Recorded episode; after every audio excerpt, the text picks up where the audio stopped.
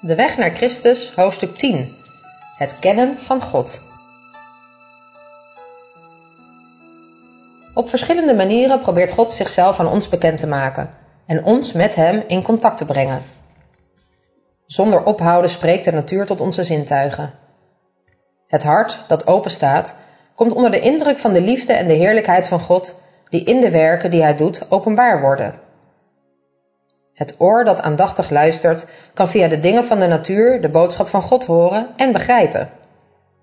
De groene velden, de statige bomen, de knoppen en de bloemen, een voorbijglijdende wolk, de regen, het kabbelende beekje en het schitterende heelal spreken tot ons hart en nodigen ons uit om bekend te worden met Hem die dat alles schiep. Onze zaligmaker gebruikte bij zijn prachtige lessen de dingen uit de natuur. De bomen, de vogels, de bloemen in de dalen, de heuvels, de meren en het prachtige firmament, maar ook de gebeurtenissen en de omstandigheden van het dagelijks leven werden met de woorden vol waarheid verbonden, met de bedoeling dat zijn lessen daardoor zouden worden herinnerd, zelfs midden onder de drukke zorgen van het werkzame leven van de mens. God wilde dat zijn kinderen zijn werken op prijs zouden stellen en zich zouden verheugen in de eenvoudige, rustige schoonheid waarmee Hij onze aardse woonplaats heeft verfraaid. Hij houdt van wat mooi is, maar boven alle uiterlijke aantrekkelijkheid houdt Hij van een mooi karakter. Hij zou graag willen dat wij zuiverheid en eenvoud ontwikkelen, de pracht van de bloemen. Als we willen luisteren, horen wij hoe Gods scheppingswerk ons kostbare lessen van gehoorzaamheid en vertrouwen leert. Van de sterren die op onnavolgbare wijze door de ruimte eeuw na eeuw langs de hun aangewezen baan gaan, tot het kleinste atoom gehoorzamen de dingen in de natuur aan de wil van de schepper. En God zorgt voor alles en onderhoudt alles wat Hij heeft geschapen. Hij, die de ontelbare werelden in het universum in stand houdt, zorgt er tegelijkertijd voor dat het kleine bruine musje, dat zonder vrees zijn eenvoudig liedje zingt, niets tekort komt als we van huis gaan naar ons dagelijks werk, als we bidden, als we s'avonds naar bed gaan en als we s'morgens weer opstaan. Als de rijke man in zijn paleis van zijn overvloed geniet, of de arme man zijn kinderen bij elkaar brengt rond de armzalige dis. De hemelse Vader ziet vol zorg op iedereen. Geen traan wordt vergoten of God ziet het. Er is geen glimlach die hem ontgaat.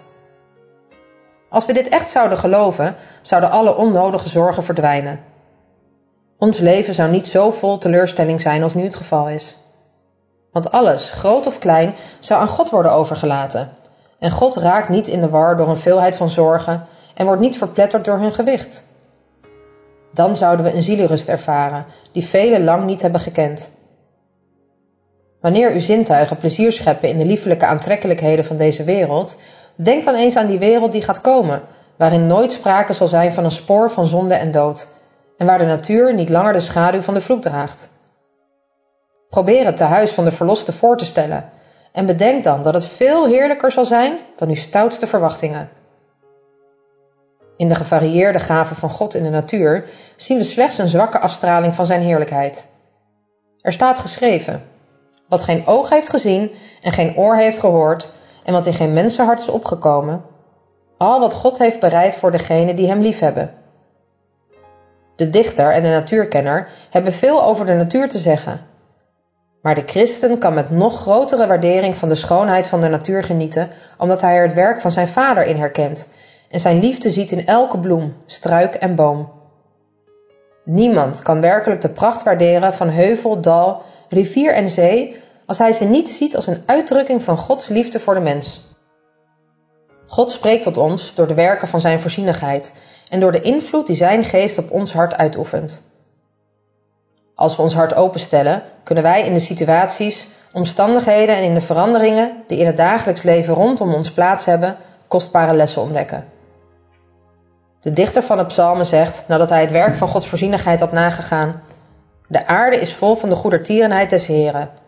Wie is wijs? Hij lette op deze dingen. Laat men acht slaan op de gunstbewijzen des Heren. God spreekt tot ons in zijn woord.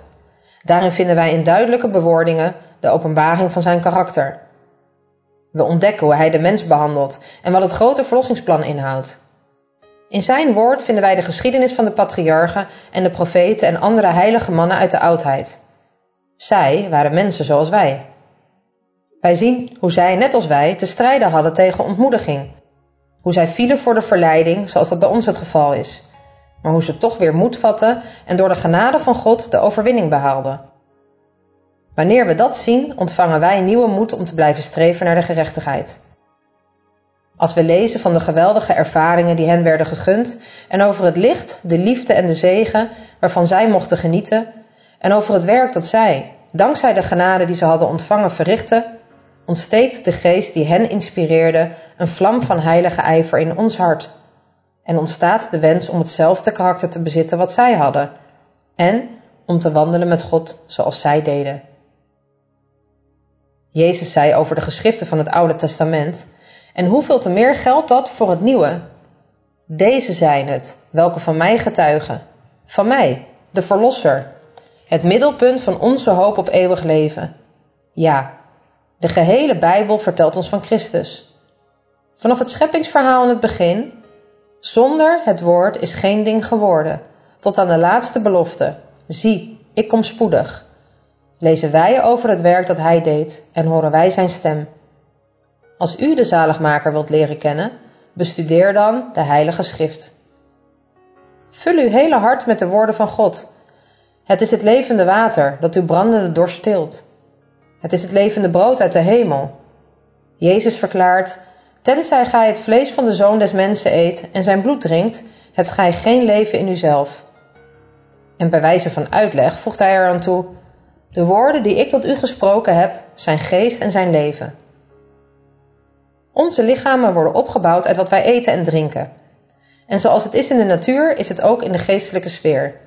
Datgene waarover wij mediteren, bepaalt de toon en de kracht van onze geestelijke aard. De engelen zouden graag inzicht willen hebben in het thema van de verlossing. Dit zal het onderwerp van studie en het lied van de verloste zijn tot in de eeuwigheid. Is het dan ook nu niet de moeite van overpeinzing en studie waard? De oneindige genade en liefde van Christus en het offer dat ter wille van ons werd gebracht, moeten onze gedachten uiterst ernstig bezighouden. We zouden moeten stilstaan bij het karakter van onze dierbare Verlosser en Middelaar en moeten mediteren over de zending van Hem die kwam om Zijn volk van hun zonde te verlossen. Wanneer we zo nadenken over hemelse dingen, wordt ons geloof en onze liefde sterker en worden onze gebeden meer aanvaardbaar voor God, omdat zij meer en meer met geloof en liefde zijn verweven. Zij zullen verstandig en indringend zijn. Er zal meer sprake zijn van een ononderbroken vertrouwen op Jezus en van een dagelijkse levende ervaring van Zijn kracht om een ieder die tot Hem komt volkomen zalig te maken. Als wij erover nadenken hoe volmaakt de zaligmaker is, ontstaat bij ons de wens om geheel veranderd en vernieuwd te worden naar het beeld van Zijn reinheid. Wij zullen er naar hongeren en dorsten om meer te gaan lijken op Hem die wij vereren. Hoe meer onze gedachten zich met Christus bezighouden, hoe meer we over Hem zullen spreken en Hem aan de wereld zullen voorhouden. De Bijbel werd niet alleen geschreven voor de geleerden. Integendeel, de Bijbel was bedoeld voor het gewone volk. De grote waarheden die noodzakelijk zijn voor ons behoud, worden zo overduidelijk gemaakt dat niemand zich behoeft te vergissen en de weg kwijt behoeft te raken, tenzij men zijn eigen ideeën volgt in plaats van de zo duidelijk geopenbaarde wil van God. We moeten niet afgaan op wat mensen denken van de schrift, maar we moeten Gods woorden zelf bestuderen. Als we anderen het denkwerk voor ons laten doen, raakt onze energie verlamd en worden onze mogelijkheden beperkt. De verheven krachten van de geest kunnen zo verzwakt worden als ze zich niet bezighouden met onderwerpen die hun aandacht waard zijn, dat ze niet langer in staat zijn om de diepe betekenis van Gods woord te bevatten maar de geest wordt verscherpt als hij gebruikt wordt om na te gaan hoe verschillende onderwerpen in de Bijbel met elkaar in verband staan, wanneer tekst met tekst en geestelijke dingen met geestelijke dingen worden vergeleken. Niets is meer berekend om het verstand te versterken dan de studie van de schrift. Geen ander boek is zozeer in staat om de gedachten op hoger peil te brengen en de talenten die men heeft te versterken als de veredelende bijbelse waarheden. Als Gods woord bestudeerd zou worden zoals dat behoort, zou men een geestelijke ontwikkeling, een veredeling van het karakter en een standvastigheid tentoonspreiden als in deze tijd nog zelden gezien wordt. Er schuilt echter weinig nut in een overhaast lezen van de Bijbel. Men kan de hele Bijbel doorlezen en toch de schoonheid en de diepe verborgen betekenis hebben gemist. Het is beter dat een gedeelte bestudeerd wordt totdat de betekenis ervan helemaal duidelijk is en de samenhang met het verlossingsplan wordt gezien, dan dat een groot aantal hoofdstukken wordt doorgelezen zonder vooropgezet doel en zonder dat men er echt iets uit leert. Zorg dat u uw Bijbel steeds bij u hebt. Lees erin. Leer de teksten van buiten. Zelfs als u op straat loopt, kunt u soms een tekst lezen en deze in uw geheugen opnemen. Wij kunnen geen wijsheid verkrijgen zonder diepe aandacht, gebed en studie. Sommige gedeelten van de Bijbel zijn inderdaad te duidelijk om misverstaan te kunnen worden. Maar er zijn ook stukken waar de betekenis niet aan de oppervlakte ligt, zoals die meteen ontdekt kan worden. Dan moet schriftgedeelte met schriftgedeelte vergeleken worden. Er moet sprake zijn van nauwgezet onderzoek, overdenking en gebed. Een dergelijke studie wordt rijk beloond. Zoals de mijnwerker kostbare ertzaders onder de oppervlakte van de aarde ontdekt, zal hij die met volharding in Gods woord zoekt naar de verborgen schatten, waarheden van grote waarde vinden. Die verborgen blijven voor de oppervlakkige zoeker. De woorden van de inspiratie, die in het hart worden overwogen, zullen zijn als stromen die voortvloeien uit de bron van het leven. De Bijbel mag nooit bestudeerd worden zonder gebed. Voordat wij de Bijbel openen, moeten we vragen om de verlichting van de Heilige Geest. En deze zal ons gegeven worden. Toen Nathanael tot Jezus kwam, riep de zaligmaker: Waarlijk, een Israëliet in wie geen bedrog is. Nathanael vroeg: Van waar kent gij mij? Jezus antwoordde: Eer Philippus u riep, zag ik u onder de vijgenboom.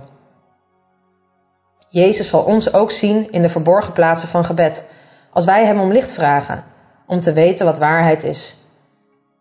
De engelen uit de wereld van het licht zullen hen bijstaan, die met een nederig hart om goddelijke leiding vragen. De Heilige Geest verhoogt en verheerlijkt de zaligmaker. Het is zijn werk ons Christus de zuiverheid van zijn gerechtigheid en het grote hel dat wij door hem kunnen ontvangen voor te houden. Jezus zegt, hij zal uit het mijne nemen en het u verkondigen. De geest der waarheid is de enige doeltreffende leraar van de goddelijke waarheid. Van hoeveel waarde moet God de mensheid hebben geacht dat hij zijn zoon gaf om voor de mensen te sterven en dat hij zijn geest gaf om de mens te onderwijzen en om als zijn voortdurende gids te dienen.